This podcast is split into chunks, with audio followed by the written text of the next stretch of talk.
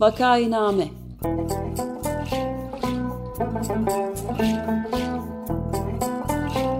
Salgın günlerinde memleket manzaraları. Hazırlayan ve sunanlar Güven Güzeldere ve Ömer Madra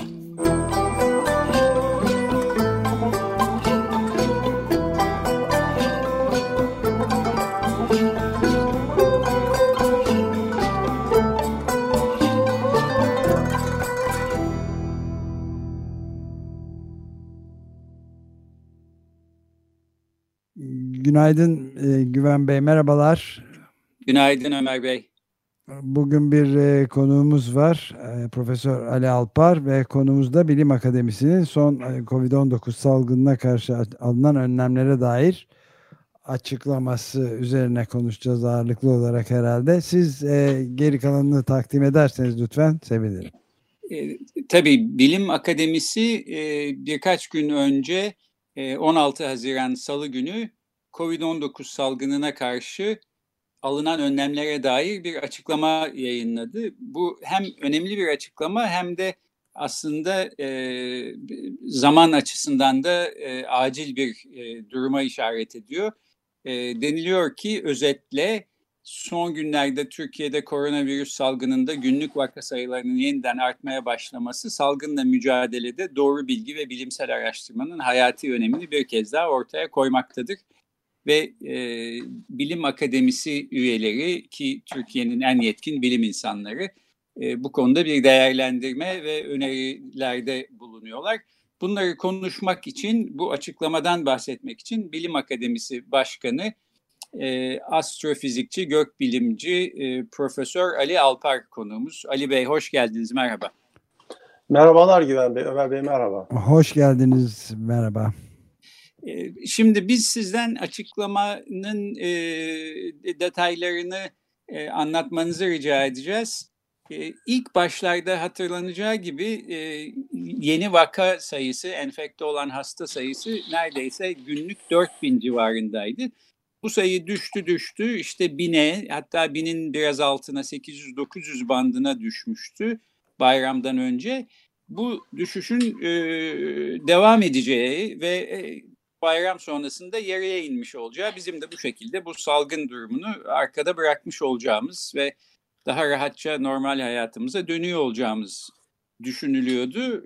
E, bir takım tedbirlerin gevşetilmesine karar verildi. Fakat pek çok kişi ve kurum. E, bunların içinde e, Ali Alpar Bey'in kendisi de var, Bilim Akademisi'nin başka üyeleri de var.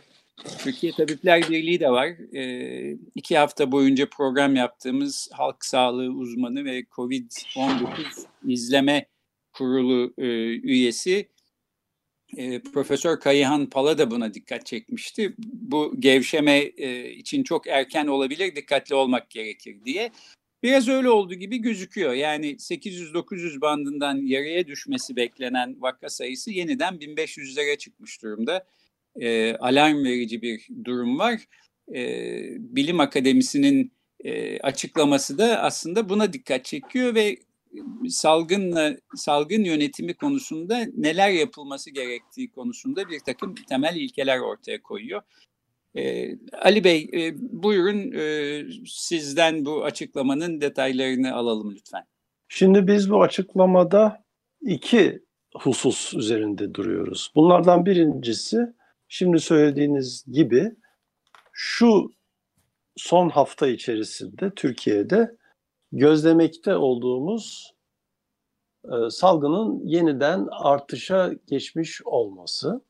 İkincisi de daha uzun vadeli ve önemli bir husus. Bu salgınla ilgili bilgilerin, verilerin hem araştırmacılardan, bilim insanlarından hem de kamuoyundan saklı tutulması ve bunun mahsurları. Şimdi birincisinden girdik. İsterseniz önce onu söyleyeyim. Ee, bizim bilim akademisi olarak farkında olduğumuz bir kısmı bizim üyelerimizden, bir kısmı e, başka e, bilim insanlarından kaynaklanan e, bir takım öngörü çalışmaları var.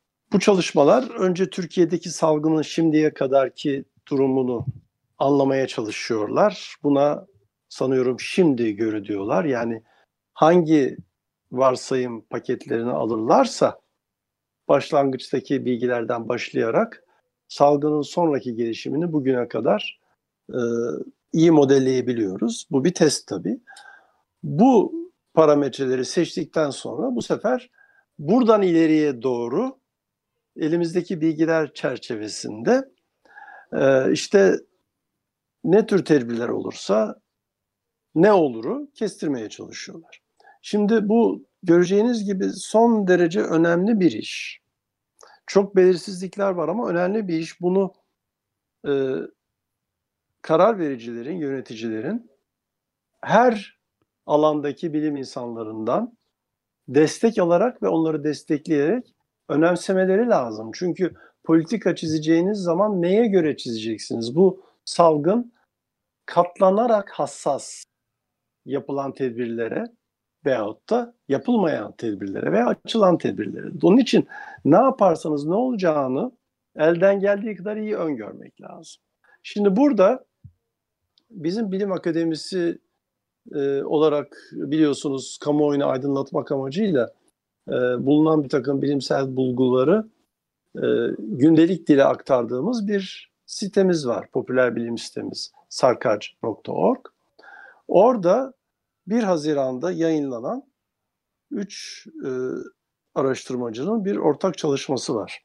Bu çalışmayı biz yayınlarken bunun bir bilimsel araştırma olduğunu, henüz hakemlik süzgecinden geçmemiş olduğunu, bir takım belirsizlikler çerçevesinde bu ikazları yaparak ama şu bant içerisinde şöyle olursa böyle olur türünden öngörüleri olduğunu söylemiştik. O nasıldı bu öngörüler?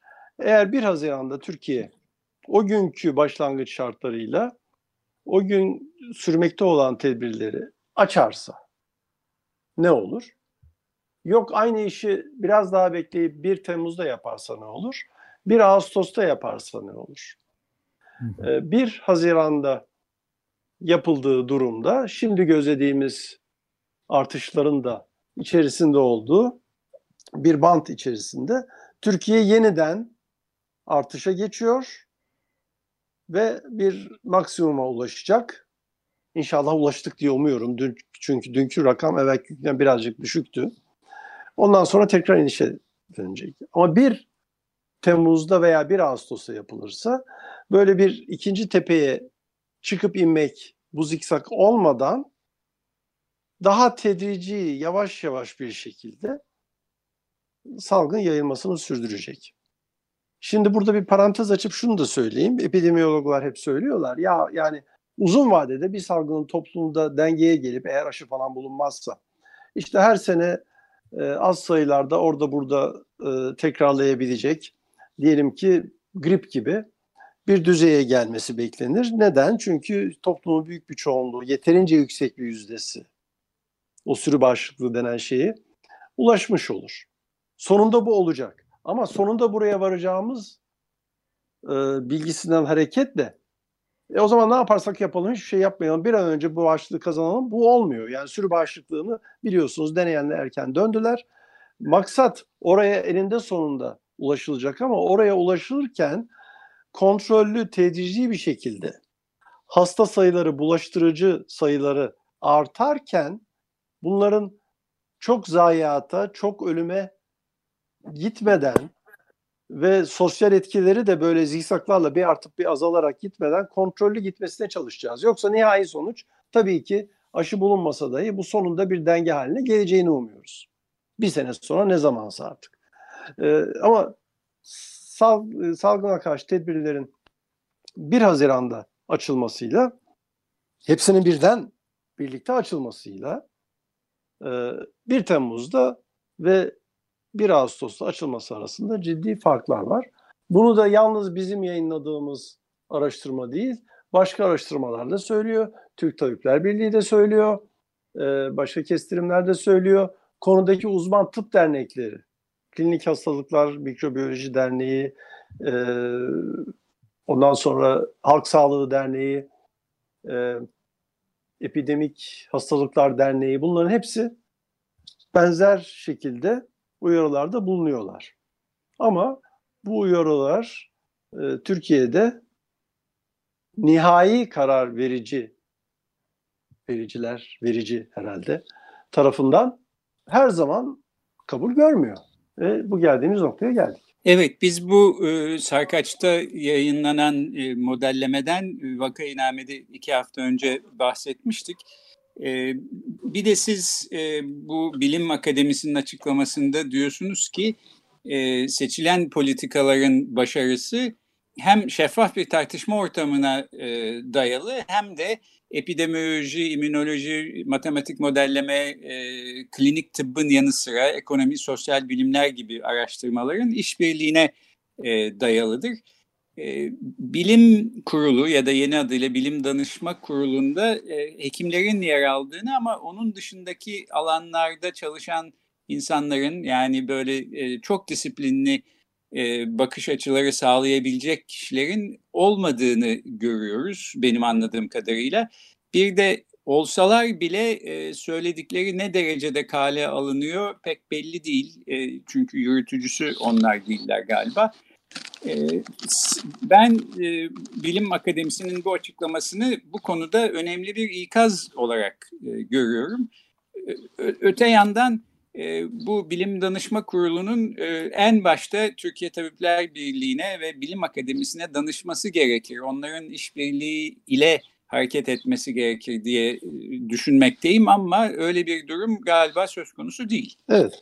Şimdi e, tabii bu işin e, ekonomik, e, sosyolojik, psikolojik vesaire boyutlarına da bakılması lazım.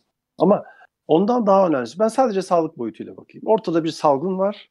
Çok bulaşıcı. Bütün dünya bunu ilk defa görüyor. Onun için çeşitli ülkelerde gerek bilim insanları, tavsiye edenlerin bazıları gerekse e, karar vericiler hatalar yaptılar. Ama şimdi bir yol aldık. O hatalar neler olduğunu gördük. Şimdi ben spesifik olarak Türkiye'de işin sağlık, salgın boyutuna bilim kuruluna bakacağım. Şimdi bu bilim kurulu üyeleri şahsen sağ olsunlar. Buna Sağlık Bakanı'nı da katmak lazım. Kamuoyunu bilgilendirmeye çalışıyorlar. Şöyle yaparsanız böyle olur, şunu yapın, bunu yapmayın diyorlar.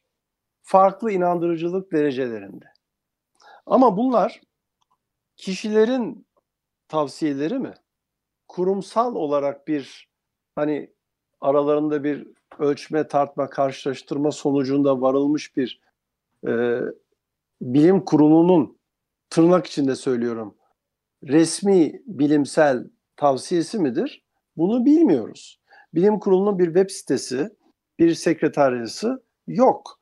Onlar açısından bilim kurulu şu verilere göre şu sonuçları almıştır bunu bilmiyoruz. Bu bir.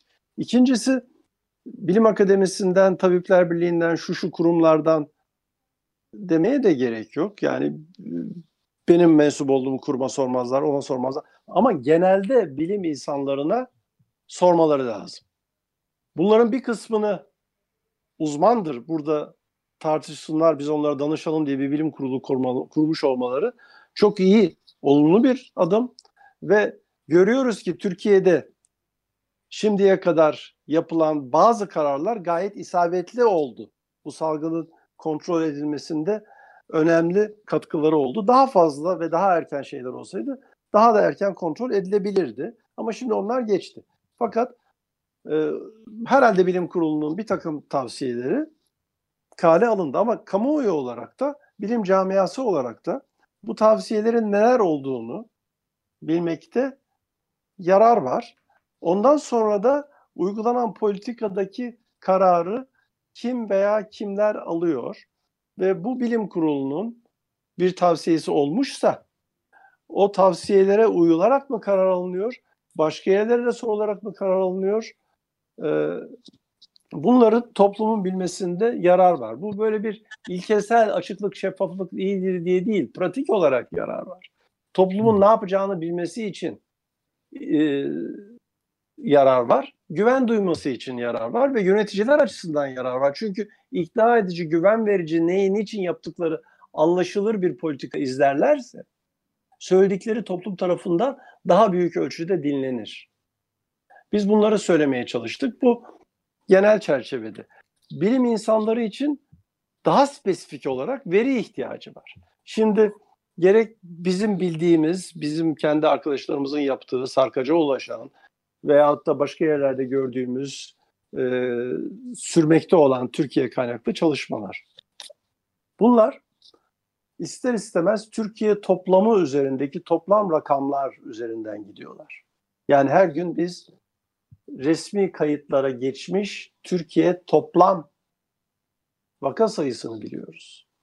Daha iyi işe yarar model yapmak için bir kere bunun Türkiye içerisinde nasıl dağıldığını hatta şehirler arası içinde nasıl dağıldığını bilmek lazım. Ki nerelerde çoksa oralarda farklı tedbirler alarak oralardan başka taraflara sıçramasını önlemek için.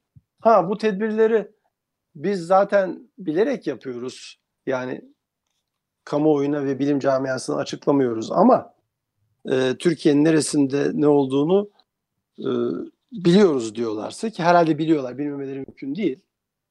E, o zaman o da ayrı bir soru getiriyor. O zaman neden bu safhada şehirler arası seyahati açtınız? Bunun tabii ekonomik, e, psikososyal sebeplerini olabileceğini görüyorum ama bunları başka şeylerle tartmak lazım. Salgın açısından iyi bir şey olmadığı görüldü. Ee, şimdi demek ki verilerin açılması bir kere bu konuda öngörü çok kritik. Öngörü bir uzman işi. Öngörü yapmaya çalışan uzmanların ellerinde doğru, dürüst veri olması lazım. Yoksa ne yapıyorlar? Türkiye genel toplam rakamlarına bakıyorlar. Bunların mesela yaş kırılımı.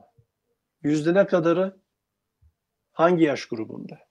Ölümcül vakaların ne kadarı hangi yaş grubunda? 65 yaş üstünde daha yoğun olduğunu herkes biliyor. Ama pratikte ne oluyor Türkiye'de? Bunların bilinmesi önümüzü görmeyi kolaylaştıracak. Çünkü onu alan bilim insanları e, yaptıkları analizlerde daha az belirsizlikle daha işe yarar, daha pratik tavsiyelerde bulunabilecekler. E, ekonomi açısından da daha pratik tavsiyelerde bulunabilecekler belki. Evet yani belli aşamalarda belli şehirlere karantina uygulanmasına karar veriliyor mesela. Ben bundan e, demek ki e, enfekte olan hasta sayısı şehirlere göre ne şekilde dağılıyor bunun bilindiğini çıkartıyorum. Fakat bu bilgi bizle paylaşılmıyor ya da başka bilim insanlarıyla paylaşılmıyor. Öte yandan ilginç bulduğum bir konuya değinmek isterim. E, anketler genel olarak e, kamuoyu e, düşüncesini ölçen anketler e, halkın salgınla mücadelede başarılı olunduğunu gösteriyorlar. Burada da benim için aydınlatıcı olan bir şey en azından medya iletişimi konusunda uzman olan e, Doktor Sarpan Uzunoğlu'nun yaptığı bir ayrım oldu. E, salgınla mücadelede iletişim ile yönetim e, arasında bir ayrım çiziyor e, Sarpan Uzunoğlu. Diyor ki e, her gün e, Sağlık Bakanı'nın çıkıp bir takım bilgiler veriyor olması, insanlarla konuşuyor olması, sorulara terslemeden cevap veriyor olması bir iletişim başarısı. Fakat bu iletişimin başarısı aslında yönetimin başarısızlığını perdeliyor. Yani salgınla yönetim illa e, doğru gidiyor, başarılı değil belki ama bir şekilde iletişim e, yönteminin sürdürülüyor olması nedeniyle e, işte kamuoyu e, iyi bir mücadele e, yapıldığını e, düşünüyor. E, ben ilginç ve aydınlatıcı buldum bunu. E, bunun ışığında bir şey daha sorayım. Sizin e, Bilim Akademisi'nin açıklamasında araştırmanın önündeki engellerin kaldırılması diye de bir paragraf var. Bu da önemli. E, nedir bu engeller ve niye oradalar? Şimdi biz aşağı yukarı bir ay önce 12 Mayıs'ta bir başka duyuru yaptık. O duyuru yapmamızın çok e, belli bir e, sebebi vardı o duyuruya yol açan olay. Sağlık Bakanlığı Halk Sağlığı Genel Müdürlüğü'nün şimdi tam ismini hatırlayamadığım bir komisyonu Türkiye'de sağlıkla ilgili veya sağlığı ilgilendiren sosyal bilim e, alanlarında da e, etik kurul, araştırma için etik kurul onayından önce söz konusu komisyondan na başvurulması gerektiğini ilan etti. O tarihte de bugün hala da bu komisyonun kimlerden oluştuğu, nasıl bir ekspertiz içerdiği ve neye göre bu onayları verdiği açıklanmış değil. Kaldı ki Türkiye'de etik kurul sistemi Avrupa standartlarında, dünya standartlarında iyi işleyen, çalışan bir etik izin sistemi zaten var. Araştırmaların etik değerlendirmesinden başka bir de akademik değerlendirmesi. Yani bu kişi bu araştırmayı yapabilir mi? Yeter donanımı var mı? Hangi araçları kullanacak? Şu bu diye bir değerlendirme de yapılır tabii. Bunu kim yapar? Eğer o kişi veya araştırmacı grubu bir kamu veya özel kuruluştan araştırmalar için destek, para, imkan istiyorlarsa o kuruluş tabii ki belli soruları sorar ve iyi işleyen bir sistemde e, o soruları da konunun uzmanlarına bir hakemlikle sordurur. Ona göre ben senin araştırmanı destekleyeceğim der veya demez. Şimdi Türkiye'de bunu en önemli biçimde yapan merkezi kamu kuruluşu TÜBİTAK. Elimizdeki örnekler şöyle şeyler olmaya başladı bu son bir ay içerisinde. Biz bu e, böyle bir zaten TÜBİTAK'ın değerlendirme mekanizması var. Zaten üniversitelerin, Sağlık Bakanlığı'nın, hastanelerin etik kurulları var iken bu ne olduğu belli olmayan ve bunların hepsinin önüne ön koşul olarak konan bir yeni komisyondan onay alma zorunluluğu bütün akla gelecek mahsurlarından önce Türkiye'de bu acil konuda araştırmaları geciktiriyor, engelliyor. Bunu vurgulayan bir şey yazdık. Şimdi bu toplum bilimleri kurulu mu oluyor Ali Bey? Bu hayır hayır hayır toplum kurulu olmuyor. Sağlık Bakanlığı, Halk Sağlığı Genel Müdürlüğü'nün şimdi bizim duyurumuzda adı var. Ee, Sağlık işte filanca komisyonu. Evet, duyurumuzda anladım. var o. Evet. Yani Sağlık Bakanlığı bünyesinde. Dolayısıyla çok şükür ki salgınla doğrudan ilgisi olmayan bazı sosyal bilim araştırmaları yani etik onay alması bu sağlık açısından gerekli olmayan e, e, sosyal bilim araştırmaları etik onayın da önceli haline kendini koyan bu komisyondan e, bağımsız olarak hareket ediyorlar. Fakat e, çok geniş olarak salgınla ilgili e, tıbbi, epidemiyolojik, klinik ve salgının sosyal bilim veçeleriyle mesela anket araştırmaları falan gibi değil. Sosyal bilim araştırmaları da bu engele e, bu yeni çıkan ve hala açıklamasını bilmediğimiz komisyon engeline e, komisyon onayına diyelim. Çünkü çoğunluğu engellenmiyor ama bazı bayağı iyi olacağı belli araştırmalar engelleniyor. O onaya gidiyorlar ve şimdi aradan geçen bir ay zarfında bu sistem kalkmadı ve bir takım tecrübeli, bu konuda iyi araştırmaları olan e, araştırmacıların araştırmaları buradan onay almadı. Biz şimdi bu ikinci duyurumuzda bir de bunun üzerinde duruyoruz. Çünkü bu doğrudan araştırma özgürlüğünü ve pratik olarak araştırmalardan yararlanmayı engelleyen bir şey. Örnekleri de şöyle şeyler. TÜBİTAK iyi bir iş yaptı bu salgın döneminde. Her zamanki çağrı tarihleri, mekanizmaları çabuklaştırdı. Salgınla ilgili araştırma projelerinizi bize verin, çabuk değerlendireceğiz dedi. Değerlendirdi. TÜBİTAK açısından akademik olarak fizibiliteden geçmiş. Yani TÜBİTAK ben size e, işte istediğiniz desteği vereceğim, araştırmanızı destekleyeceğim demiş bulunduğu hakemlikten geçmiş araştırmaları e, bu Sağlık Bakan aralarından bazıları, hepsi değil, bazıları Sağlık Bakanlığı'nın bu e, dev peyda diyelim e, komisyonu tarafından onaylanmadı. Onaylanmadı. Dolayısıyla etik onayı da alamıyorlar. Dolayısıyla şimdi bu araştırmacılar ne yapacak? Duyurumuzda da söylediğimiz gibi. Eğer TÜBİTAK'tan kendilerine söz verilmiş olan, TÜBİTAK'ın onaylamış olduğu fonlara bağımlı değillerse, büyük bir para gerektirmiyorsa, başka kaynakları varsa bu araştırmalarını tabii ki yine yapacaklar. Sonuçlarını e, herhalde yurt dışında iyi dergilere, hakemli olarak yayınlanmak için gönderecekler. Ama o süreçten önce bu araştırmaların sonuçları Sağlık Bakanlığı Bilim Kurulu veya Türkiye'deki karar vericiler tarafından o zaman kullanılmayacak mı? Yani bizim olayımızdan geçmedi bu araştırma. Sen yine yapmışsın. İşte filan yerde de yayınlamışsın. Ben bunu kullanamam mı diyecek. Görmezden mi gelecek? Ki bu TÜBİTAK'ın kendisinin hakem panellerinden geçmiş. Burada çok ciddi bir yönetme sorunu var. Bir koordinasyon eksikliği var. Yani devletin Bilim, Sanayi ve Teknoloji Bakanlığı'na bağlı TÜBİTAK gibi çok eski ve saygın bir araştırma destek müessesesi acil çağrı yapıyor. Araştırma projelerini topluyor. İçlerinden bazılarını reddediyor, bazılarını kabul ediyor. Kabul edenler ve sözleşme yapıp işleme bunu koyamıyor TÜBİTAK, destekleyemiyor. Bu ikisi birbiriyle konuşuyorlar mı Sağlık Bakanlığı? Yahut Sağlık Bakanlığı içinde bir ayrı bir organ mı var? Bundan Sayın Bakan'ın haberi var mı? Bilim kurulu üyelerinin haberi var mı? Bilim kurulu üyelerinin kendi araştırma projelerinde neler oluyor? Tuhaf evet. bir durum. Yazık. Yani bu ülkede belli bir araştırma potansiyeli var. Bu insanlar bu araştırma her halükarda yapıyorlar. Bir şey daha da söyleyeyim. Şimdi bütün dünyada bu normal bilimsel yayın yapma hakemlik mekanizması salgınla ilgili konularda gevşetildi. Ama yine de bir zaman alıyor. Ve tabii ki bu konudaki bilimsel araştırmaların birincil, acil amacı işe yarar bilgi üretip salgına mücadele etmektir. Yani dergide yayınlamak kişilerin kariyerleri açısından puan almaları değildir. O zaten ayrıca da yavaş geldiği için o zaman ne yapması lazım?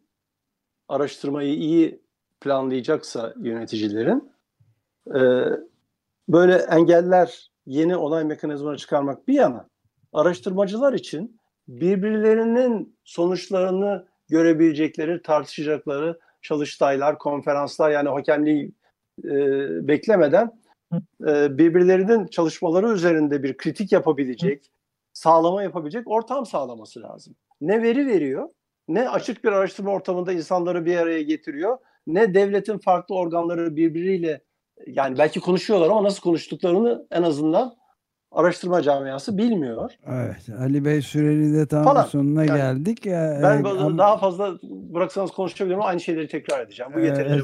Bir de şeyden yani şeffaflık sorununun ve araştırmalarda bilimsel bakışa e, yeterince yer verilmemesi gibi önemli bir sorun.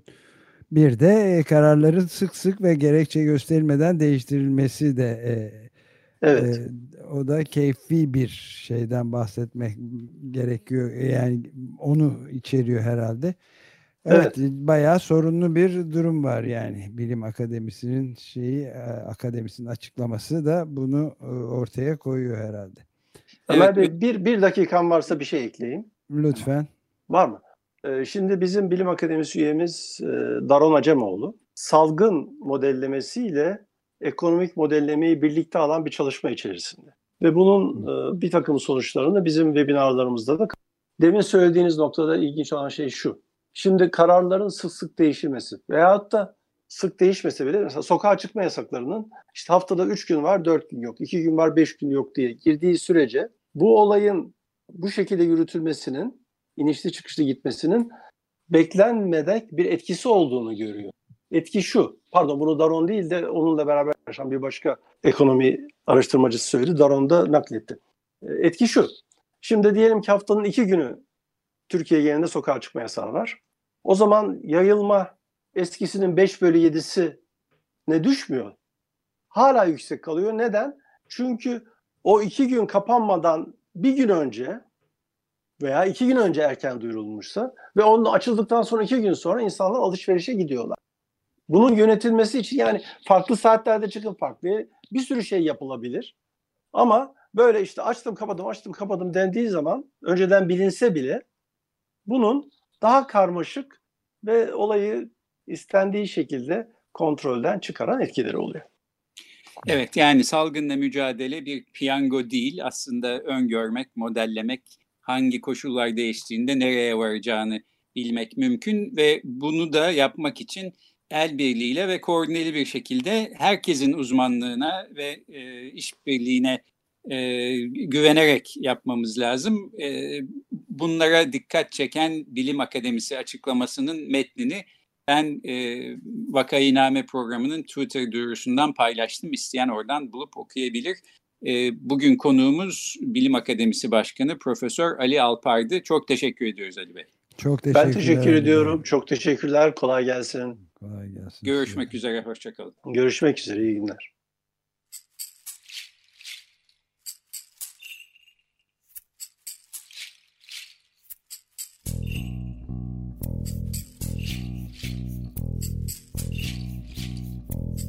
Vakainame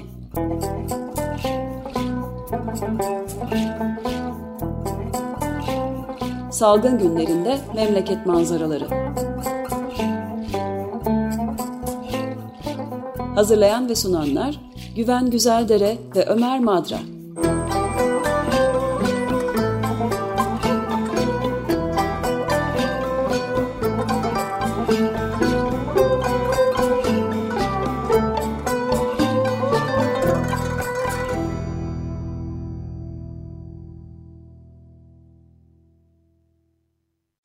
Açık Radyo program destekçisi olun. Bir veya daha fazla programa destek olmak için 212 alan koduyla 343 41 41.